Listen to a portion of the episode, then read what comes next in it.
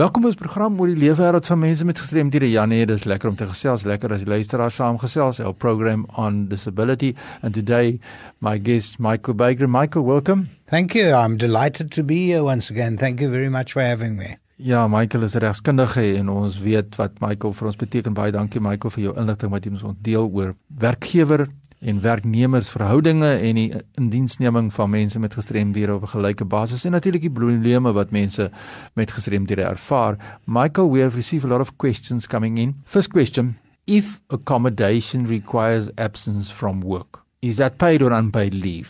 What is the first step to take for a person? Must he see supervisor or what is what's your recommendation?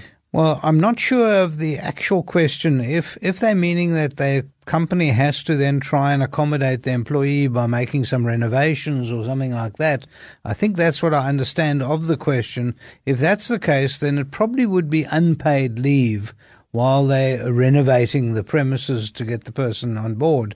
My experience has been that while the companies are renovating, they ask the person to do work whilst they're at home and they actually pay them. Most companies pay while you're busy accommodating the individual. So I very seldom would I find someone uh, coming to me and saying, they want to now build a, a, lift in in the building so that I can go to the second floor, and they've asked me to stay at home for a month with no pay. I've never yeah. had that experience. I've never I, had it. I think it's also deal with I must go and see a therapist for um, auditory uh, training. Okay. Yeah. That might be also the point of departure. No, well, that, that, that becomes sick leave. That, is that, that sick, is leave? sick leave, and that and that you must access your sick leave. The bottom line is sick leave is finite. There's not much of sick leave. And if you have to each time go see someone, for instance, if you have to go and fetch your pills, then you're going to have to take sick leave and it gets used up very quickly. And the idea is up front, and I've done this before, up front go speak to the employer and say, This is what my diary looks like into the future.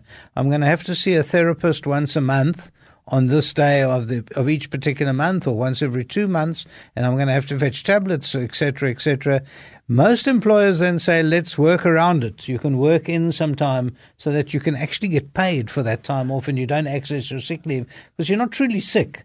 Yeah. You're actually just going for ongoing therapy or you're going for ongoing tablets or ongoing advice, and it's not actually sick leave. It's a communication between the employee and the employer of the utmost importance. That's all it boils down to. The reality is, most employers are fully understanding, most employers are, in fact, accepting of this problem, and they say, let's tackle the problem together.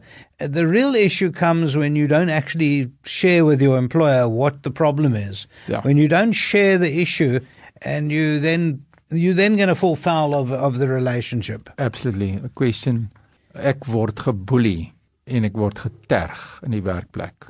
Maar dis my medewerknemers. So harassment, mm. teasing, ill treatment by others in the workplace. What yeah, is your This advice? is a common unfortunately we're still living in those times where it is a common occurrence that people do get teased, especially with the disabilities which are, are visible or you know that a person's got a disability.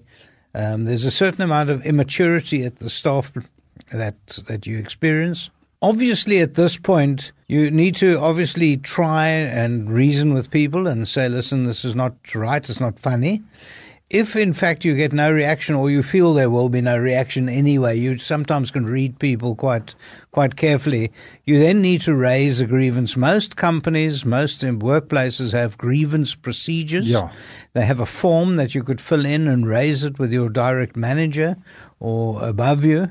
The idea of doing that is that you're actually now laying groundwork and a paper trail so that in the future there might be a real problem and that you can tackle it by saying, I've raised this on three or four occasions, you haven't sorted it out. Now you as a company are liable, not the individuals that are teasing no. you. And there's a big, big problem over here. In fact, I'm facing a case right now where people who had raised the grievance, it wasn't handled properly by the company. And the reality is now the individual is suing the company for damages, not the individuals that teased, because the company is now complicit in not being able to take the action that is so sorely needed. And I can tell you right now, teasing can be sometimes a lot more damaging than physical. Yeah. In other words, if you hit someone, that might not be as damaging as someone teasing you.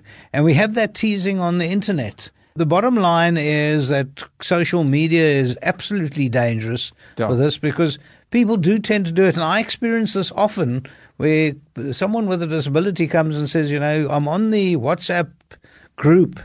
And on the group, they tend to post pictures of people who have the same disability as me and think it's really funny. Yeah. And I don't think it's so funny. And that's, that's a real That's problem. a real problem. So, yeah, it's interesting to take note of that.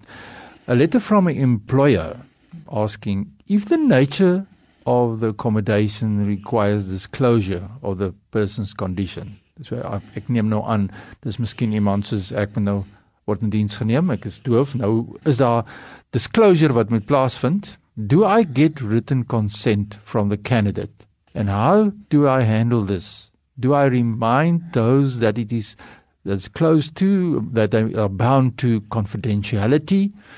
The do's and the don'ts. That's a massive uh, Yeah, big question challenge It- this one. It is a big question, and we don't have the time to answer all that over here. But disclosure is something that you have to request. You have to get permission.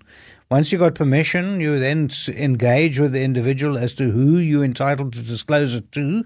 You can't just go and tell the whole staff, by the way, Joe Soap has now That's got right. AIDS. That that's not acceptable, and it can't be acceptable, and it's a breach of all sorts of confidentiality. But disclosure is absolutely vital in these circumstances because without disclosure, it's very difficult to be able to get people to say, "I'm not going to discriminate against," because they don't know.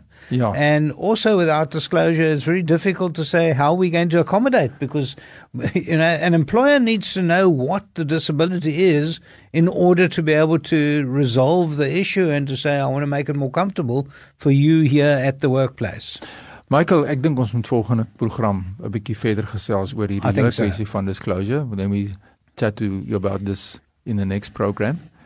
Michael, baie dankie dat jy by ons was. Jou kontak besonderhede as mense wat jou wil skakel, jou contact particulars Michael. Thank you. Yes, it's best to get hold of me on email. I'm never at the telephone. It's Michael, M I C H A E L, at Bagrams, B A G R A I M S dot co dot za. Ja, ek maak jy inset wil maak in hierdie program, ook stuur 'n e-pos aan myfani.tt by mweb.co.za. Groetens tot volgende keer.